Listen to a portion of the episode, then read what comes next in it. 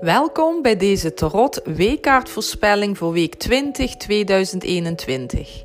Dat is voor de week van 17 tot en met 23 mei.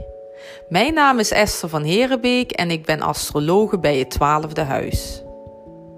De tarotkaart van deze week is de 2 van pentagrammen. Algemene betekenis.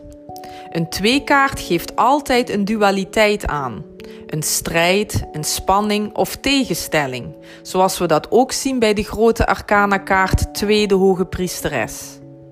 In dit geval, de twee van pentagrammen, gaat het om het element aarde en dat heeft dus met vorming, ervaring en de concrete werkelijkheid te maken. Wat betekent dat deze week? Deze kaart geeft het spelenderwijs afwegen van twee mogelijkheden weer. Wat doe je deze week wel en wat doe je niet? Het heeft ook te maken met een balans zien te vinden, zeker wanneer je met meerdere dingen tegelijk bezig bent. Go with the flow. Deze kaart vraagt deze week om een flexibele instelling. Dat je met de stroom meegaat of meerdere mogelijkheden ziet.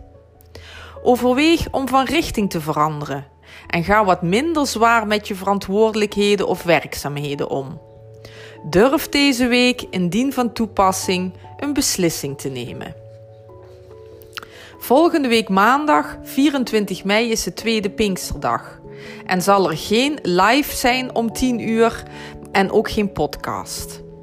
Wel kun je een post met de Tarot Weekkaart zien op Instagram en Facebook. En over twee weken is er ook weer een nieuwe podcast.